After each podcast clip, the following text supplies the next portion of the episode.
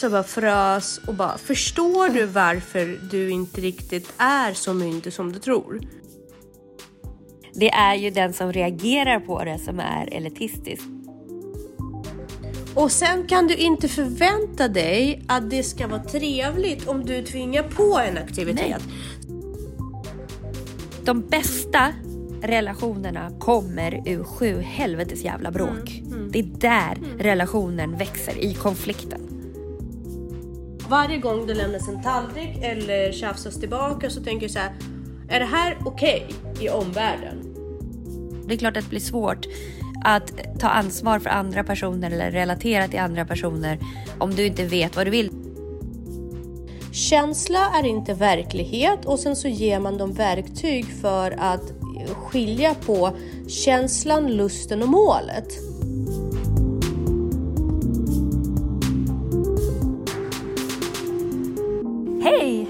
Jessica! Hur är det? Det är bra. Väldigt många som är sjuka. Ja men alltså, jag har också blivit sjuk igen. Jag har precis blivit frisk. Jag blir helt Alltså varenda gång jag har varit ute och flugit nu. Jag blev sjuk eh, på Seychellerna. Eh, jag blev sjuk efter vi hade, alltså, precis när vi kom hem från Araba och nu är jag sjuk igen. Jag blev sjuk när jag kom ner till Portugal. Men nu är du väl mer förkyld eller är du verkligen sjuk? Jo, men jag har varit, alltså jag mm. är, alltså jag har haft jätteont i, alltså jag har varit så sjuk så att alla de här gångerna så jag inte har kunnat träna. Oj, oj, oj. Och så sjuk ja, brukar inte jag ja, bli. Nej, nej, precis. Du brukar alltså jag har haft jätteont i halsen. Eh, inte den här senaste gången hade jag bara mm. ont i halsen, inte jätteont. Mm. Och sen så har jag haft här ont i kroppen som influensakänningar mm. fast jag inte haft någon feber. Så det är ju bara förkylningar men mm. ändå sjukt jobbigt. Alltså efter Arabba då kunde jag ju inte träna ordentligt på två veckor. Oj. Ja. Det är ju helt sjukt. Uh, du har en träningssommar framför dig kan man säga. Uh, men du kommer ju ta igen dig. Alltså, det är ju, din kropp är ju så pass vältränad så du... Ja, ja. Men jag brukar Men det är ju jättefrustrerande. Att... Ja, frustrerande ja. just också att det är en av dina copingmekanismer. Eh, så att uh, det är ju ja, men, sjukt jobbigt. Oh, urstörigt. Mm. Jag blir på så dåligt humör. Ja, men det blir man ju. Man blir ju på dåligt humör när man inte får liksom vara som man brukar vara. Det är ju jättefrustrerande och täpp till näsan brukar vara en jättejobbig grej att ja. behöva genomgå. Jag vet inte hur det är för dig, men det är en av de värsta sakerna med en förkylning. För halsen tycker jag är värre. Du tycker det är värre med halsen? Oh, ja, det... hatar ont i För det är det som gör att man inte kan träna. Mm, Snuva kan man träna med och så här, det stör mig inte så mycket. Men ont i halsen alltså. Uh, det som påverkar mig är ju nästäppa för att jag tappar någon form av uh, orienteringsmöjlighet liksom. Gud vad roligt här. Vi andra vi orienterar oss med ögonen, du bara... Ja, men nej, nej, nej, nej, nej. men jag, ja, precis. Jag orienterar mig med näsan, men jag, jag tycker att det är så roligt. stor del av, alltså, av hur jag upplever världen. Jag vet att det låter jättekonstigt, men tappar jag men det... luktsinne Ja, förlåt jag avbryter dig hela tiden. Berätta nej, klart. nej, det är ingen fara. Jag är jätteglad att du är så här på. jag är jätteglad att du pratar. ja, jag är superglad att du är på. Men, men, men det, jag känner, jag vet alltså jag har skyllt så mycket, eller förklarat så mycket genom NPF-prisma i mitt liv. Jag har ingen aning om det är så för flera människor, men tappar jag näsan så har jag det väldigt svårt. Alltså det är säkert så för hörsel och så också. Men en gång ja, så tappade jag rösten och det upplevde inte jag alls var jätte på, på det sättet. Jag tror att eh, man har mm. olika dominanta sinnen. Mm. För det, jag och Danne pratade om det här för ett tag sedan. Så här, vilket sinne, jag tror Markus var med i den här diskussionen också. Så här, om man skulle förlora mm. ett sinne, vilket sinne skulle det vara? Liksom, som man skulle mm. klara sig utan. Jag bara synen. Mm. Eh, Danne bara VA? Liksom, Han bara, aldrig i livet. Han var hörseln typ. Jag bara VA? Mm. Är du galen eller? Mm. Men jag tänker att synen, så länge du hör, mm. jag tänker att man klarar sig bättre. Dels så, så, skulle jag ju inte överleva om jag inte hörde musik eller hörde ja, ljud. Men precis. Liksom. Jag älskar ljud. Mm. Eh, synen, jag ser ändå ingenting så det spelar ingen roll. Eh, mm. Men för honom är ju synintrycken så himla starka. Men samtidigt så här, om du inte hör, då är ju världen bara det du ser. Alltså Exakt. du vet inte om någon kommer bakom dig, du vet inte mm. liksom, alltså det, hö- hörseln är ju bredare, alltså sträcker sig ju längre Ja, över ett större precis. område än vad synen gör. Eh, och jag kan till och med men tycka att, så här, att jag kan ju gå och blunda frivilligt bara för att jag orkar inte se så mycket. Sen så är det ju optimalt Ja. att ha kvar alla sinnen. Eh, men, men du är alltså eh, eh, lukt? Ja, alltså lukt betyder väldigt mycket för mig. Sen vet inte jag om jag skulle sätta det på spel med syn och hörsel. Det, det förlorar jag ju aldrig när jag är förkyld, så att jag så. Men, men eh, luktsinne betyder oerhört mycket för mig, därför det är så stor del av min upplevelse.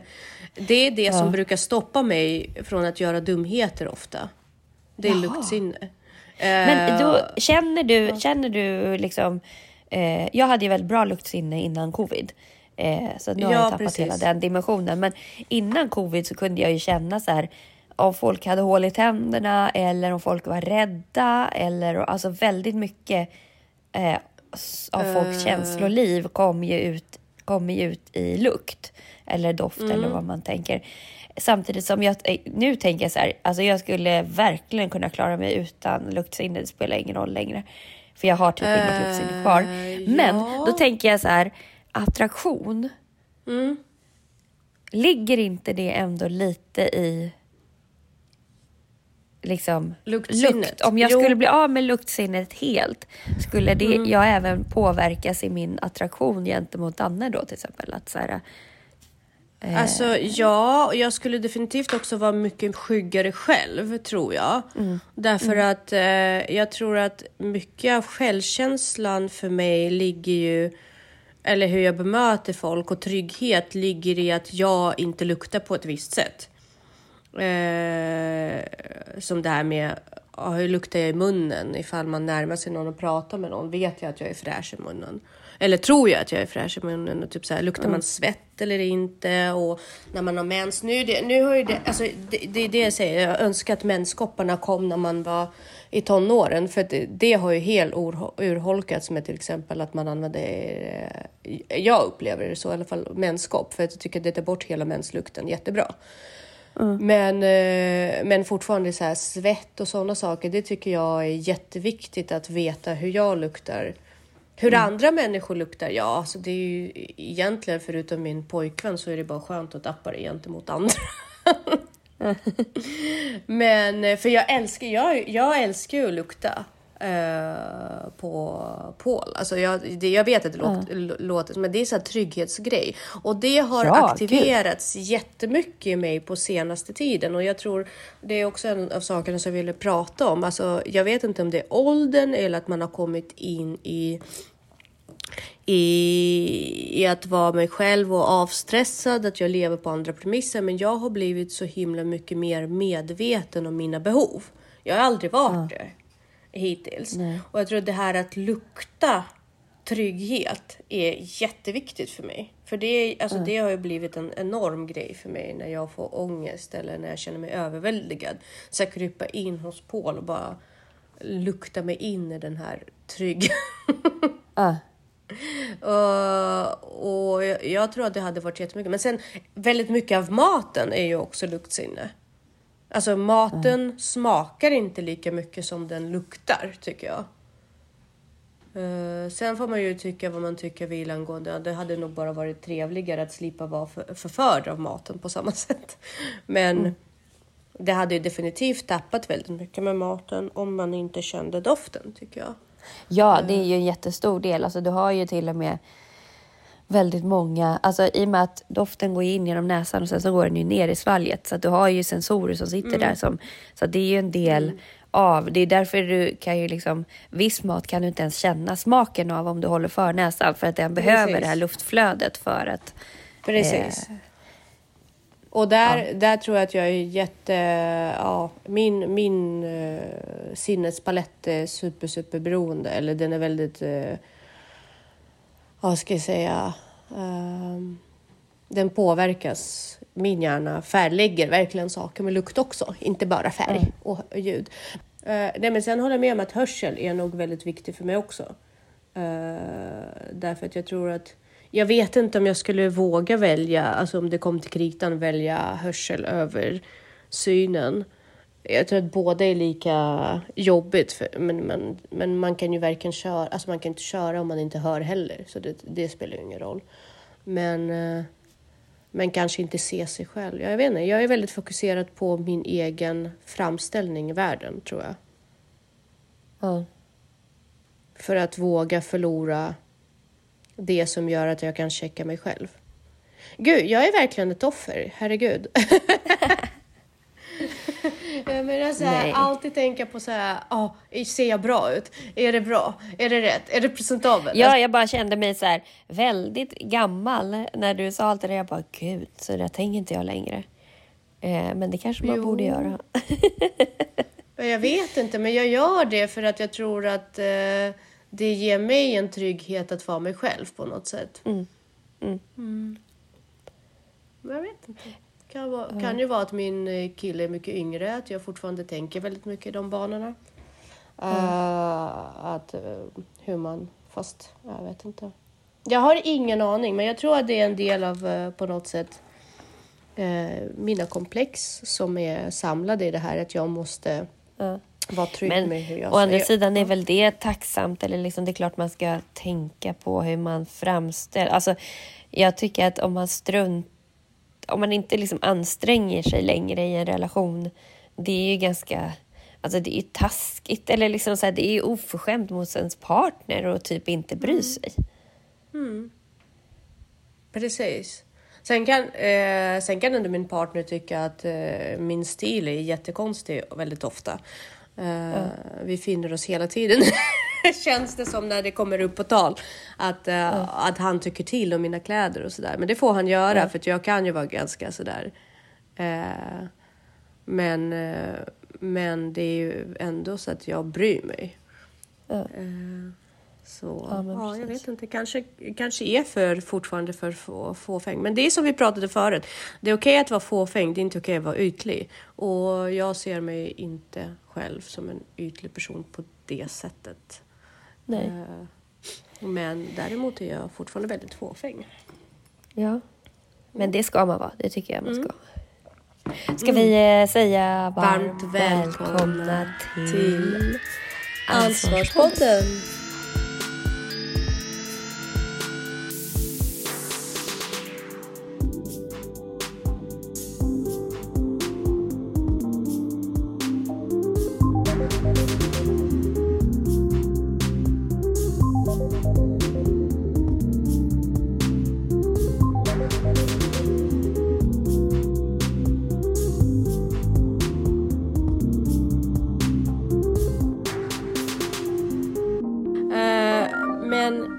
Hade skickat en ganska intressant grej till mig.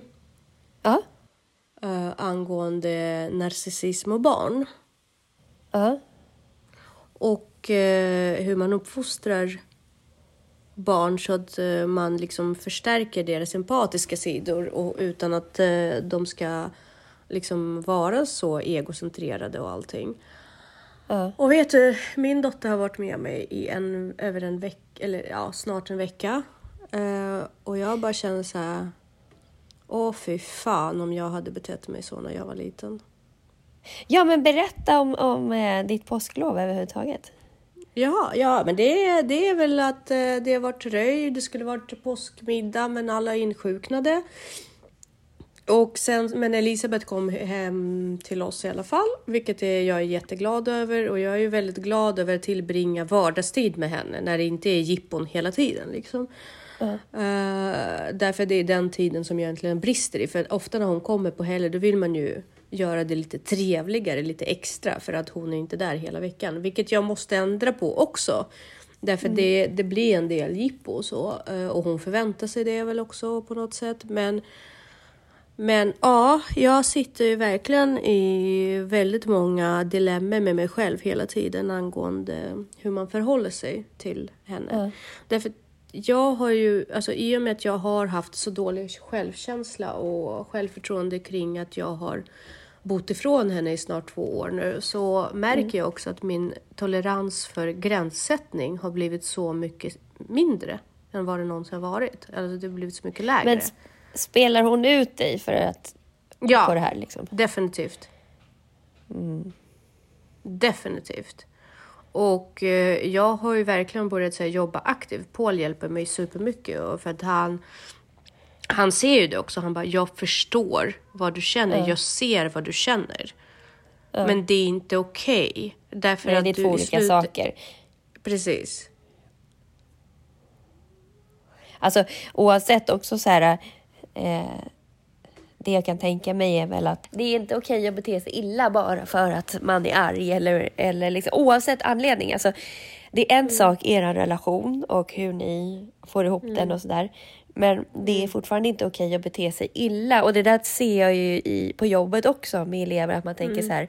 Vad är svårigheter och vad är bara, alltså bete sig kan faktiskt i princip de flesta göra. Det kanske är någon prece- procent som har den problematiken, har något trotssyndrom eller något sånt där. Men var oförskämd, det är inte en svårighet. Alltså Nej. det är inte en, det är liksom Eh, ja, det kanske finns någon procent som är jättearg och liksom har den problematiken och liksom Det historiken kan ju komma och då och kombinationen. då också.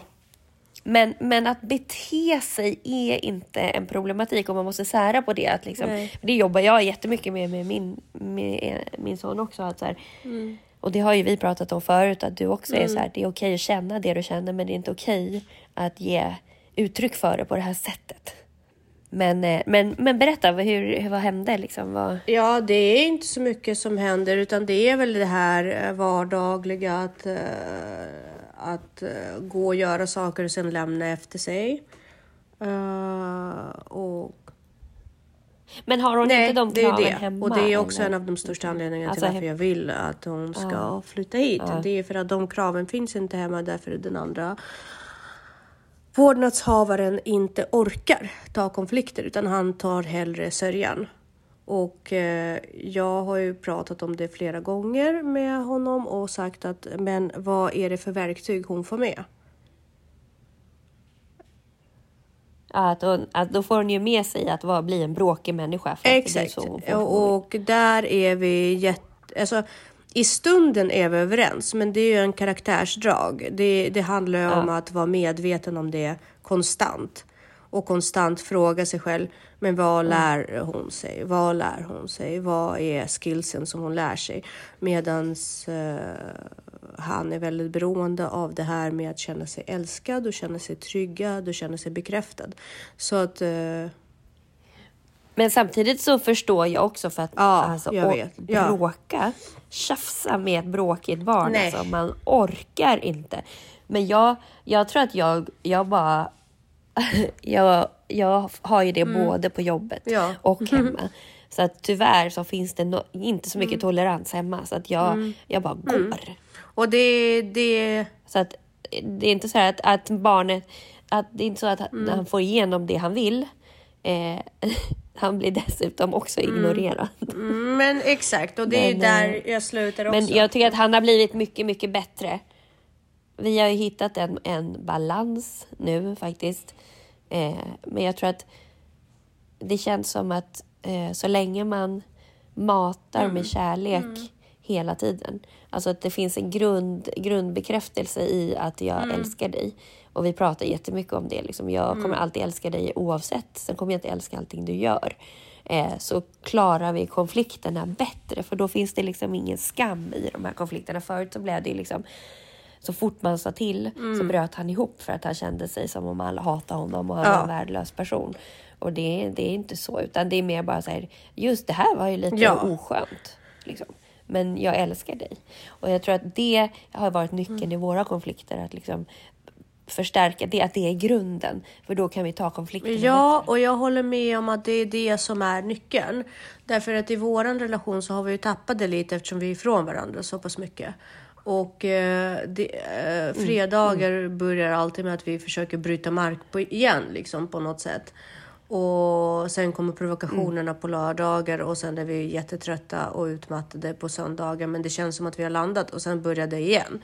Så det är ju det är där vi landar och jag tror också att det är väldigt viktigt. Nyckeln är det också så här våga se det storma igenom. Det är ju det jag upplever att, eh, att eh, den andra vårdnadshavaren i vårt fall inte riktigt har eh, tillit i. Våga stå på det. Och sen också våga ta Mm. Ja, konflikten, att det blir Exakt, ett helvetes exakt. bråk. Och sen blir de färre och färre. Men ger man sig, alltså du kan ha vunnit, Mm. eller vunnit, du kan ha liksom landat Mm. fem bråk bra. Att man har kommit vidare och utvecklats. Och sen så ger man med sig Mm. eller är lite slö en gång. Ja men då bara backar man ju precis. tre bråk. Och det, Det är så här, man måste Och det är hela tiden. Och det värsta är ju förhandlingarna tycker jag. Jag tycker inte ens så... Jag, jag, det är inte bråken Ah. i sig som jag blir så jävla trött på. Det är att hela tiden ge sig in i diskussionsdjungeln. Jag orkar inte. Ibland kommer jag bara, vet du vad? Jag orkar inte därför att jag är vuxen, jag bestämmer. Nej, nej! Och det, det Exakt. är... Ja. Den acceptansen att faktiskt så här, jag är din vårdnadshavare. Man blir Ja, myndig exakt. när man är Ja, 18 men av en exakt. anledning. Och sen så... Ja. Och där, ja, men där tror jag också har, har Ludvig fått lite mer acceptans också. Så att där är han jätte, jätteduktig. Men just där så här, jag vill, jag vill köpa det här. Och bara, nej, du får inte köpa det. Då får du inte Exakt. heller köpa någonting. Man bara, Exakt. fast det är mina pengar. Exakt. Alltså bara, det är orättvist, då får du inte heller köpa någonting. Men fast det är en jävla skillnad. Och att vi ens har den här Ja, diskussionen. är liksom- och jag, jag tror att väldigt Eh, men, men han blir mycket, mycket, mycket bättre. av det, och det, det jag tycker också är svårt är att Så det är skönt. se vad som är ADHD och vad som faktiskt är hennes funktionshinder Mm. och vad som är Men vet du, det är så många barn som är så, Nej, så att jag tror nej. inte att det är, jag tror att det är ja, barn ja, idag precis. Och det är märker så. jag mer och mer för jag märker det också på jobbet och där ja, Den här och där så här, förhandlingen. vet du vad? Nej, fuck it. Och du får medicin, du får all möjlig hjälp. Liksom, det där borde inte vara ett issue. Gör det du ska. Gör, bara gör det du ska. Och Mm. sen så, blir, och sen så ibland när man säger till så får man värsta så här himlande med ögonen och bara ja! Och jag är så här, Ah. men skojar du med mig? Skojar du med mig just nu? Jag gav dig bara en påminnelse. Varför förtjänar jag en sån reaktion? Och jag kommer vara där och jag kommer påminna och det kommer aldrig ta slut. Bara lev med det. Ge mig inte skit för att jag finns där för dig. Ja. Jag behöver Ja, inte så gå det hon gör och så att jag snubblar direkt påminna efter. Liksom. Det, det är sjukt. Senast hade vi ju så här, jag hade skurit upp lite päron, det är bara en rolig grej. eh, som jag har nu börjat ta som exempel för henne. Jag skurit upp lite päron och så gick jag in med så päron till hennes rum bara för att jag hade några och så tänkte jag hon kanske vill ha. Och så sträcker jag fram en päronklyfta till henne och så säger jag vill du ha lite päron? Och, och så skriker hon nej jag vill inte ha päron och så sträcker hon fram handen och tar den. Ja, Eh. och, och just då så jag bara så här bromsar jag bara vad är det vi håller på med? Nej men jag ångrade när jag såg klyftan så hon var redan på väg att säga ifrån för att jag, hon tro, i sitt huvud såg hon ett helt päron som jag bara sträcker fram. Så vänder hon sig om ser klyftan. Ja. Hennes hjärna hinner liksom nappa så hon hinner ta tag i den. Men munnen hinner inte med. Och jag bara det här, det här behöver jag hantera som en vuxen människa nu. Jag bara frös och bara, förstår du varför du inte riktigt är så myndig som du tror? Därför att din kropp hinner inte med dina tankar. Och sen får du betala ett socialt pris för det. För hade, du, hade det här hänt i ett hushåll eller någonstans där, där man inte var så ödmjuk mot dig som jag är nu. Då hade, du, då hade man bara trott att du är sjuk i huvudet. Ja, jo, ja. men ibland landar polletten, ibland inte. Men det, alltså, det är en sån jävla kamp. Men det är ju starkt att, att du eh, eh, fångar det där och då, att du hinner med det men själv. ibland blir- gör jag ju inte det. För att ibland är det så ohyfsade svar. Så att jag tappar mig själv i, i, att, i dryggheten. Ja, jo, men det är ju det. Den här, för det pratar vi mycket om så här. Man behöver inte Mm. vara så otrevlig. Alltså man kan säga saker på olika sätt. Du får jättegärna tycka nej och så här. Men du behöver inte vara otrevlig Mm. Exakt. så fort du öppnar Och det munnen. nog... Och det som fascinerar mig är ju det liksom fine Mm. att det här sker på hemmaplan. Men det här sker även på jobbet. Och det är så jävla ovärdigt att gå till jobbet och bli otrevligt bemött fem, sex gånger i veckan av folk du inte känner. Att de här barnen Ja. har mage. Och, och jag, jag, jag tappar bort mig. Att vara så här mot folk utanför den innersta kärnan. Och det absolut värsta tycker jag när man visar dem, alltså om man nu visar dem att vet du vad, jag vill inte ens prata med dig för du är så himla otrevlig. Eh, så känner de att det är en vinst. Jag hade ju skämts. Jag hade ju skämts Ja. ihjäl om en vuxen Nej, alltså, blev så besviken mig- på mig. Eller du vet. Eh, Ja, men det gör de inte. De tycker bara man är Exakt. dum i huvudet. Alltså, hos mig tror jag inte de tycker att det är en vinst. Mm. De tycker bara att man är dum i huvudet. Jag hade en hel absurd diskussion med en elev häromdagen. Eh, och bara, eh, Mm. okej, vilket nummer har du? För vi spelade basket så hade de inbytelsenummer liksom och de skulle numrerat sig själva så att jag hade ingen koll på vem Mm. som hade vilket nummer. De skulle, varje lag skulle numrera sig själva och sen skulle de ha avbytare i den ordningen. Ja, vilket nummer har du? Jag vet inte. Jag fick inget nummer. Nej, okej. Och sen så hade jag en annan pojke som inte heller hade något nummer eller han visste inte vilket nummer han hade fått. Och då tänkte jag så här, okej, de är tio i laget och eftersom han inte har fått något nummer, då, då ge honom nummer tio då, för det är väl det mest logiska att det liksom, de inte har numrerat alla. Så bara, ja ah, men okej, då får du nummer 10. Inte den här pojken som jag frågade för vilket nummer han hade. Utan jag hade två pojkar utan nummer. Så frågade jag den ena, så här, vilket nummer har du? Jag vet inte, säger han. Då säger jag till den andra, du får nummer 10. Då säger den här första, men jag har nummer 10. Jag bara, ursäkta, men du sa ju att du inte hade något nummer. Och han bara, men du är ju helt jävla Men- dum i huvudet. Jag bara, ursäkta? Jag frågar dig om du har ett nummer, du säger att du inte vet. Då ger jag personen, den andra killen då, ett nummer. Då helt plötsligt säger du att du har nummer 10 och du säger att jag är dum i huvudet. Alltså så nej, säger man inte till nej, någon. nej. Någonsin. Ja. Det är sjukt otrevligt liksom. Och han blev så sur på mig. Nej. Man bara, alltså, nej. jag hänger jag inte med. Tror... Nej, jag Förlåt, hänger inte med. alltså, och när man får det, det är som att få en släp i ansiktet, det är som att eh, bli örfilad. Då orkar man inte rent mentalt eh, eh, omstrukturera som vuxen och, och om, eh, om, göra ett omtag och bara vad är problemet och vad är känslorna? Man orkar inte det för det är så ovärdigt att bli bemött så här. Så man bara tappar det. Och det, det, Ja. Jobbet är ju en sak men det blir ju så hemma också. Och skammen jag också känner som förälder för att mitt barn uttrycker sig så. Nu måste jag ändå säga att hemma är, det måste jag verkligen ge till min dotter. Det är inte ett svordom som faller. Det är inga svordomar någonsin och hon håller jättekoll på svordomar. Och jag tror att det handlar lite grann om att vara minipolis för henne.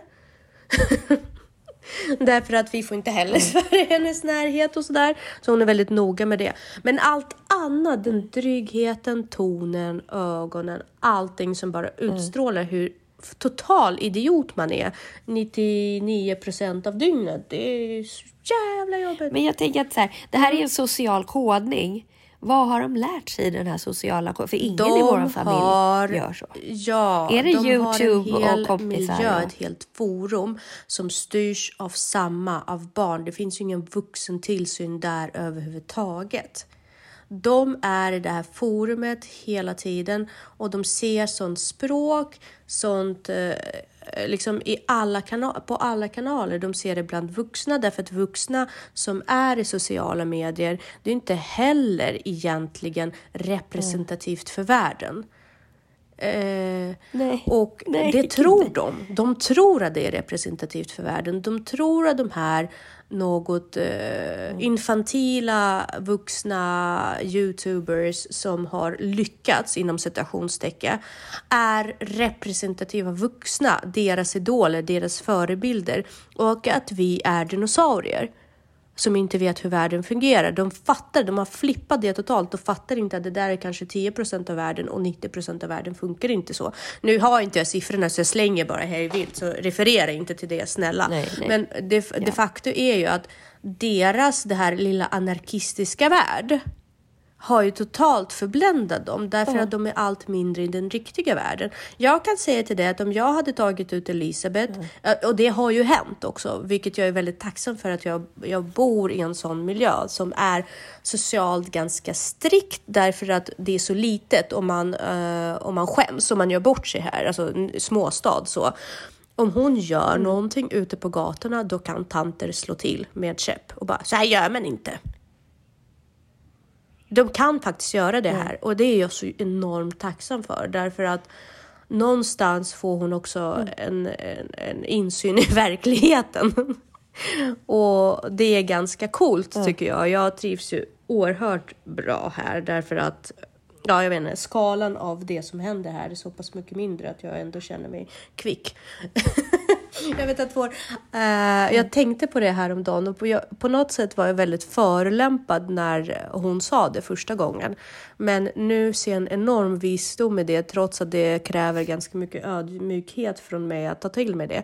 Men vår gamla chef, kommer inte nämna vilken av dem, uh, ja. men hon sa så här att uh, det är inte alla barn som... Uh, inte alla barn kommer gå på högskolan. Inte alla barn kommer bo på Östermalm. Nej. Inte alla barn är till, även om de föds hos sådana föräldrar, för att uh, klara sig i en advokatfirma. Och de barn måste också känna att de vinner. Och då, därför är det bättre att sätta dem i en skola som ja. inte är lika högpresterande för deras skull och för deras självkänsla. Och då kände jag, just då, när jag fortfarande mm. var väldigt mycket i så här, äh, ja, försvarsläge, så jag kände så här, gud vilken dryg sak att säga på ett sätt. Vilken elitistisk äh, approach. För att jag kände mig väldigt träffad av det. Men nu känner jag så här, fan men det är ju rätt alltså. Det är ju helt rätt. Ja, alltså för det, det, det, det är ju inte hon nej, som är nej, nej, elitistisk. Utan det är ju den som reagerar mm. på det som är elitistisk eftersom den fortfarande det hon säger ja, är ju ja, värderingsfritt. Ja, exakt så är det ju. Och det var ju det som jag kände så här, men och det är den som ja, lägger förolämpningen var jag. i det. För, som, som ja, för att jag kände mig hela tiden så här otillräcklig och det är jag som ägde komplexet när hon sa det. Och nu i efterhand med flytt och lite annat, då känner jag så här Fan, hon hade ju rätt. Och det här handlar inte om att det är Lidingö versus Nyköping. Mm. Det här handlar om helt olika sammanhang. Uh, och helt olika liksom, mm. föreställningsvärldar och helt olika... Alla människor behöver olika. Uh, och, och, så är det bara. Och jag mm. trivs enormt mycket bättre här. Och jag tror att barn med samma svårighet som min dotter trivs också bra när man tar dem ifrån så mycket jämförelse. Jämför, ja, mm. jämförelse. Det är därför hon trivs bättre i en mindre skola, därför hon behöver inte jämföras med andra. Det är därför hon skulle trivas bättre här. Liksom. Men, men det behöver, man kan ju skapa det oavsett vart man bor. Men de får inte för att återgå till min gamla poäng då som jag hade. Det är ju för att de har den här enorma anarkistiska värld utan vuxen tillsyn och auktoritet, äh, rätt typ av auktoriteter mm. i det digitala. Det är ju sjukt. Mm. Och det värsta är, det absolut värsta är som jag känner så här, ah, nu jävlar kommer jag få få kämpa. Det är ju när de fyller 13, då stänger de ju av oss som auktoriteter överhuvudtaget. Då är vi ju inget annat än dum i huvudet när de blir 13, liksom, för deras hormoner kallar till sig det. Hur fan gör man då? Det behöver ju inte vara så. Att de stänger av det när de är 13? Nej, alltså jag, allt det handlar ju om relationen. Men det är klart, har man en, en dålig relation när de är 11-12, då är det kanske svårt ja. att fixa den tills de är 13. Men jag tänker att eh,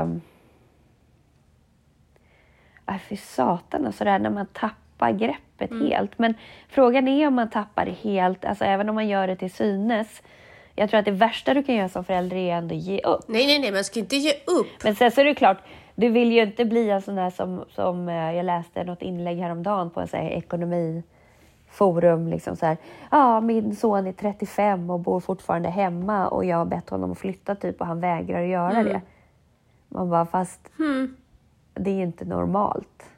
Eller hur hamnade man där? Exakt. Alltså de flesta, det, ju, det måste ju vara någon diagnos eller någonting där för att de flesta 35-åringar vill ju ändå, eller är man så liksom ut, då är man riktigt utanför samhället. Mm. Om man har kommit dit och varför är man det? Om man har tagit det tio blivit år på sig på att be sonen, då är det ju ganska förståeligt att sonen redan har på något sätt kommit in i den livsstilen. Ja, precis. Då är, det lite, då är det lite taskigt att bara helt plötsligt vakna imorgon och bara, nu är det dags. Ja, men sen också så här, ja, det är ju en vuxen människa som ockuperar ditt hus. Så att du kan ju liksom polisanmäla Mm. Ja. och du kan vidta åtgärder. Ja, men det är ju det. Vill man ha den relationen med sitt barn? Men å andra sidan, då har man ju kämpat för länge. Men det jag tänker, eh, det jag tänkte är så här, då är det ju extremt viktigt när de är 13 att man tar bort dem från de här, för de, de tänker ju, de lyssnar ju fortfarande på utomstående. Det är det som är det biologiska kruxet här. Det är de utomstående som blir av så hög vikt. Så man måste ju ta bort dem från Ja, det här alltså kompisarna förpestade- kommer ju forma dem Mm. mer. så det, då måste man ju ta bort dem från det här förpestade eh, liksom, sociala medier, Adopt Me och Roblox och allt det där, där de bara, liksom, där de bara är förjävliga mot varandra. Det är som Lord of eh, the Flies liksom. De är ju helt sinnessjuka de här unga som springer runt och bara mobbar varandra hela tiden. Och Mm. Det är så Det är så sjukt. sjukt. Och Och sen tycker jag också att det är så sjukt att man bara Unga mår allt sämre, vad konstigt, vad beror det här på? Och sen säger man lite så här, det beror på skärmarna och så här, man bara, fast det beror på ett bristande, svikande, vikande vuxenansvar faktiskt. precis. Att, att vi, det är för många föräldrar som inte vågar ta fighten och som inte klarar av att ta fighten. Det- Och ännu värre är om man söker sig till BUP typ, Ja. för att få lite hjälp. Något sämre. På riktigt, något sämre har jag aldrig varit. De underbygger ju. Ja. De skickar den till en så här föräldrakurs som går ut på att typ barnet har Ja, rätt. ja, ja. ja, ja. Det var ju Mamma, på riktigt! hela dilemmat Hela dilemmat med psykolog med Elisabeth handlade ju hela tiden om att så lite motstånd för relation som möjligt, så lite motstånd, relation framför allt, relation framför allt. Och till slut då blir det ju som så att jag tappar mandat helt. Jag tappar ju helt mandat. Hon styr över allting. Och jag har en unge som mår dåligt över att ingen sätter gränser. Ja, Men liksom, exakt. vad fan. Det är lite det som är problemet liksom. Ja, ma- Nej, så jävla, och man bara, vet du, de bästa relationerna kommer ur sju helvetes jävla bråk. Mm, Det är där relationen växer, i konflikten. Men jag tror också så här att det som är svårigheten i det, jag håller med dig att de värsta bråken gör, gör det är det är som du skriver i din bok. Genom, genom största motstånd kommer de störst, den största utvecklingen. Men, men, men det är ju, problemet är också så här, du har en partner och jag har en partner och det är de som ger oss kärlek och stöd och bekräftelse, eller hur? Mitt ex har ju inte det. Så det tar ju mycket på honom, de här tjafsen och konflikten. Så jag fattar ju honom också.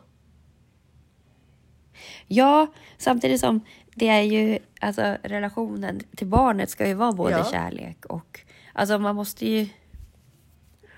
Nej, det där är... Ja, alltså jag hade ju aldrig klarat det om jag Men- skulle men behöva jag- eh, tjafsa 24-7 som jag gör nu. Om jag inte hade en partner som jag kunde lukta på på kvällen.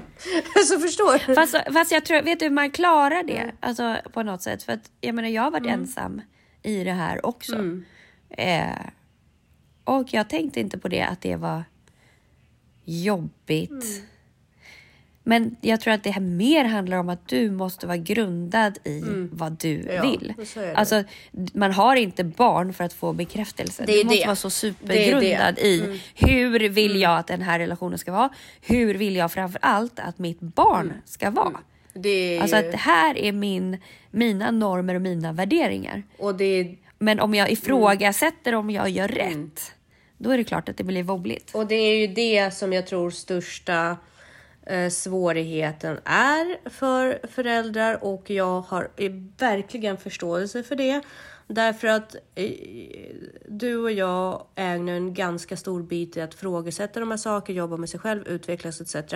Många människor gör inte det. Inte för att de är sämre eller bättre människor, för att deras intresse kanske inte ligger just där. De kanske är intresserade av något annat och därför när de kommer i kontakt med sådana situationer så blir det väldigt svårt för dem därför de tar sig, går till auktoriteter och auktoriteter säger de, nej men barnet har rätt.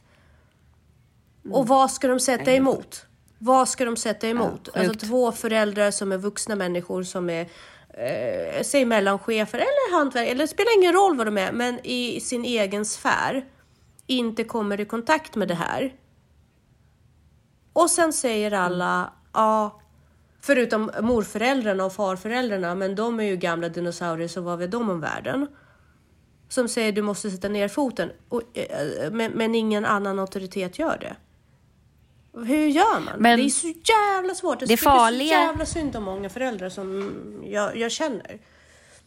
Inklusive mig själv. Jo, men det är klart att... Jag tror, men jag tror att svårigheten är att man inte är grundad i sig själv. Ja. Det är klart att det blir svårt att ta ansvar för andra personer eller relatera till andra personer om du inte vet vad du vill. Det är som att leda ett projekt på jobbet fast du har ingen aning om vart du ska. Mm. Du har ingen aning om metoden. Alltså det är klart att det blir pannkaka. Ja, men Och samtidigt. jag tror att det är det som brister. Och du kan inte vara kompis Nej, med nej. ditt barn. Du kan ha en bra relation. Mm, Eller liksom så här, men, men kom, alltså, det, ni kan inte spela varandra genom social status Nej, eller socialt.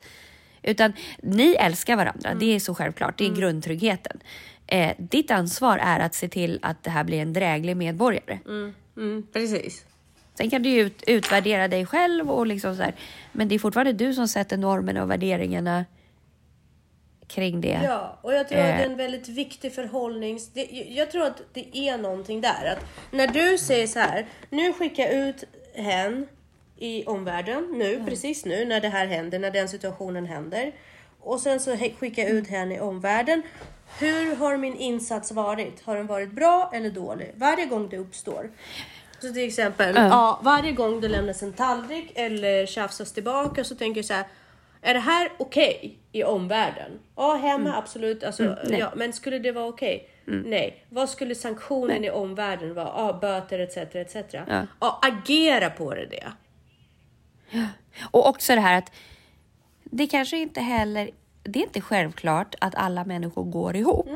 Om jag ska vara helt ärlig, jag kan inte umgås med mina barn speciellt mycket för vi tycker att väldigt mycket så, olika saker är kul. När vi umgås, om jag ska vara rent krass, vi har några saker som vi kan umgås kring och då gör vi det. Men det mesta, det blir faktiskt bara dålig stämning och energitjuveri. Exakt. Eftersom vi har helt olika ambitioner och intressen. Och det, jag tror att det är ett problem. Du kanske inte behöver umgås med ditt barn så mycket eh, på det sättet. Du behöver finnas där. Och Men, men om vi säger så här, ja, eh, jag tycker att det är kul att röra på mig.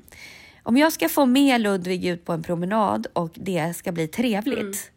Det kräver så otroligt mycket mutinsatser, så mycket anpassande och så mycket så att om jag ska driva igenom en sån aktivitet så kommer han bara lära sig att han kan bossa runt och ställa krav.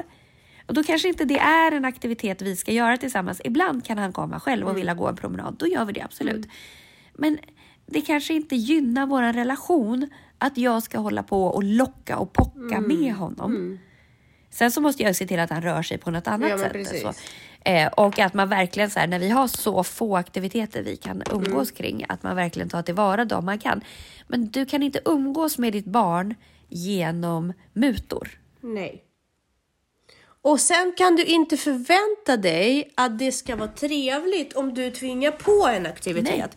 Som, eh, och det, här är, det, det du säger är så jäkla klokt för att det, det bekräftar, alltså det ger mig så mycket styrka. För jag har en grej att vi måste röra på oss och, det är ju jätteviktigt och Paul är med på det och han inser vikten av att eh, vi gör det allihopa eh, tillsammans för att eh, Elisabeth behöver det visserligen också. Och jag är så här, kan inte vi ta en trevlig promenad? Och jag är så dum i mitt huvud som går in i det och ser det som ett tillfälle att umgås. Därför det är den... Ja, för det kommer inte nej, vara det. Nej, men det är det misstaget jag gör. Därför att jag ser framför mig, gud det här är perfekt till och, eh, tid att bonda. Nej, det är ingen perfekt tid att bonda och det, är- och det är min pojkvän är så jävla smart i det. Han är, han är så jävla klok. Och då säger han så här, kan inte du bara ha trevligt med henne sen? Eller ha trevligt med henne för en annan. Det här måste göras. Det behöver inte vara trevligt, det behöver inte vara en mysig stund, det behöver inte vara fylld av fina bilder och liksom minnen från den här promenaden. Hon behöver bara röra sig från punkt A till punkt B. Det är ditt mål, se till att hon gör det. Punkt slut. Det behö- hon kan gråta, hon kan sparka. Jag bara, men vad är, det, vad är den Ja. promenaden värd då? Promenaden är värd att du har tagit henne i mål med rörelsen. Punkt slut. Exakt. Punkt Ja, slut. att man liksom miss... Ja, att mm, vissa aktiviteter är inte umgängesaktiviteter. Speciellt inte de påtvingade. Och det är där vi liksom måste också förstå att lilla vän, du gör inte det här för att det är kul. Exakt. Du gör det här för din hälsa. Exakt. Och så här, ja men du får det här och det här om du går på basketen eller du får det här och det här om du går till skolan. Nej, du ska gå göra det här för att ditt liv blir bättre. Och gör Det inte du... är belöningen. Precis. Men om du ska ha någonting för minsta lilla Mm. motstånd, du, kommer, då liksom, du gör ju barnet en björntjänst. Exakt. Utan barnet måste lära sig att se att jag gör det här för mig själv Mm. även om det är tråkigt. Jag måste också alltså, bara berätta en sak som jag faktiskt är stolt över och som blev Ja. bra därför att den här tanken slog mig mitt i allting. Eh, vi var på eh, jätteroligt ställe som jag faktiskt vill ge ett slag för eh, som heter Bodaborg. Har du hört talas om det? Ja, gud, alltså skolklasser åker ju dit hela tiden. Ja, okej, bra. För även om jag har bott i Nyköping så var det väldigt nytt för mig. Men eh, det är jättekul, jätteroligt och det är kvästar och de är väldigt kluriga och väldigt intressanta. Och då unnade vi oss det att jag, Paul och Elisabeth skulle göra det tillsammans. Och eh, jag har hört barn prata om det i skolan och de fick det att framstå som en typ av lekland där man är mer involverad som förälder, vilket jag snabbt insåg att nej. Eh, och eh, när vi kom dit så började vi köra och jag insåg ju ganska snabbt, alltså de här questerna var mycket, på en mycket högre nivå än vad jag hade trott. Jag ville bara gå in och köra, kasta bollar, göra liksom. Men det var verkligen en tanke bakom det och både jag och Elisabeth hade hur svårt som helst för det, för vi såg en röd boll, då var vi tvungna att kasta det. För så funkar vi. Medan Paul säger vi måste läsa instruktionerna, vi, måste, och vi bråkade och vi tjafsade och vi gjorde så mycket och vi lyckades inte med någon jävla quest. Det är det som är det roliga, att folk, folk har ju möjlighet att lyckas med alla de här sakerna. Eh, och i alla fall någon och barnen på skolan är så här, jag har gjort det här, jag har gjort det här, ja fine. Hälften ljuger kanske men de lyckas ju med något. Vi gjorde ingenting på de här två timmar. Men någon gång under den här resan så bröt ju uh, lilltjejen ihop och bara, ah, jag bara suger och lalla. Jag bara, vet du vad? Nu är det så här att målet med den här resan är inte att vi klarar en quest. Det är inte därför vi bokade det. Målet är att vi går härifrån sams. Ja. Bara, vi, för vi får så mycket motstånd och vi ska bara bevisa att vi kommer klara det tillsammans. Det är inte att vi lämnar det här och avslutar själva. Det är inte att du stormar ut. Det är inte liksom att vi ska säras på oss. Målet är bara att vi ska avsluta det här tillsammans och vara sams. Och det funkade och vi hade så jävla roligt och det var så prestationslöst och vi klarade ingenting. så vi måste åka dit igen omedelbums och försöka göra det tillsammans. Men alltså jag var ändå så himla glad när jag kom därifrån och vi var ändå inte så här tjuriga och var på varsitt håll och bara sa håll käften till varandra utan vi gjorde det. Och vi var missnöjda över att vi inte klarade questerna, så är det. Men vi var missnöjda för att, ja, vi, och det gav oss alla en tankeställare, för vi satt och pratade om det så här. Ja, vi måste lära oss att jobba ihop bättre. Det är väl bara det. Anledningen till varför vi inte tog hem något är för att vi är skitdåliga på att samarbeta med varandra. Inte att vi är dåliga på att samarbeta i sig, utan vi vill inte jobba ihop. När, för det är för mycket jag för oss alla. Men fan vad nöjda vi var sen, eller jag var i alla fall, att vi gick därifrån med gott humör. Det var så jäkla kul. Härligt. Ja men, ja, men jag rekommenderar verkligen, får ni möjlighet någon gång, åk dit, för det är så kul. Det är jätteroligt. Och, Ja, men verkligen. Jag bara eh, kom på att vi skulle egentligen ha pratat om narcissistiska barn. Ja, men det, det gjorde vi väl på något sätt i alla fall. Därför att det är ju det vi, vi brottas med i vårt samhälle just nu. Barn som inte får eh, ja, men kompetenstränas. Men, eh, ja, men en liten brasklapp då att, att narcissism är ju ändå en psykisk störning. Eh, så att mm. det, det, har man i sig eller, eller inte. Men däremot kan ju barn påvisa narcissistiska eller självupptagna drag och de måste vi få ur dem. Liksom. Mm. Precis. Likaså som bristen av empati kan vara någonting som är medfödd. Eh, men det kan också vara ja. någonting som inte har tränats och utvecklats. Så man måste ju se det kliniska och det språkliga vardagliga som man använder ibland för de här två ganska alltså, viktiga eh, empati, diagnoser. Precis, för empati är ju en, en, utvecklingsgrej och det kan ju hämmas om man mm. inte får det, alltså det är ju väldigt tidigt som, som eh, förmågan till empati grundläggs. Så har du något trauma eller du blir illa behandlad när du är väldigt liten så kommer empatin att stängas mm. ner. Men man kan ju rehabba hjärnan så att den får fram den empatiska förmågan igen. Men det gäller att veta vad man håller på med. Men det där är också väldigt spännande det här med den eh, rehabiliteringsbara hjärnan och att jag har läst mm. jättemycket om det nu och verkligen så här eh, i hjärnan och den här kemiska cocktailen och hur man verkligen kan droga sig själv eller liksom så här här, mm. sätt dig i kontakt med dopamin nu. Sätt dig i kontakt med oxytocin mm. nu. Att du kan faktiskt mm. styra över det väldigt precis. Det är väldigt coolt. Ja, och det kan vi prata mer om. För att jag känner att det där är en väldigt bra, väldigt bra sätt också att när man har barn som är sådär eh, lite mm. av banan som vi pratar om nu, att man faktiskt mm. har den här diskussionen med dem att känsla är inte verklighet och sen så ger man dem verktyg för att skilja på känslan, lusten och målet. Känslan, lusten ja. och målet hela tiden. Och ibland så säger min dotter, jag vill inte. Och då säger jag, det är ingen anledning. Nej. Ge mig anledningar Nej. så kan vi jobba med anledningarna. Men jag vill inte är inte en, en anledning till att inte fullfölja målet. Och, och där är Men det är ett val och då kan man välja om. Mm. Precis. Precis, allting. Och det, det är väldigt viktigt. Jag tror att där är också en väldigt bra nyckel till att få barnen att förstå hur de själva kan manipulera det fastän, fastän det inte verkar som det i stunden. Ja. Mm. Precis. Ska vi sätta punkt för den här veckan? Det gör vi. Bra. Puss och kram. Ja. Puss och kram.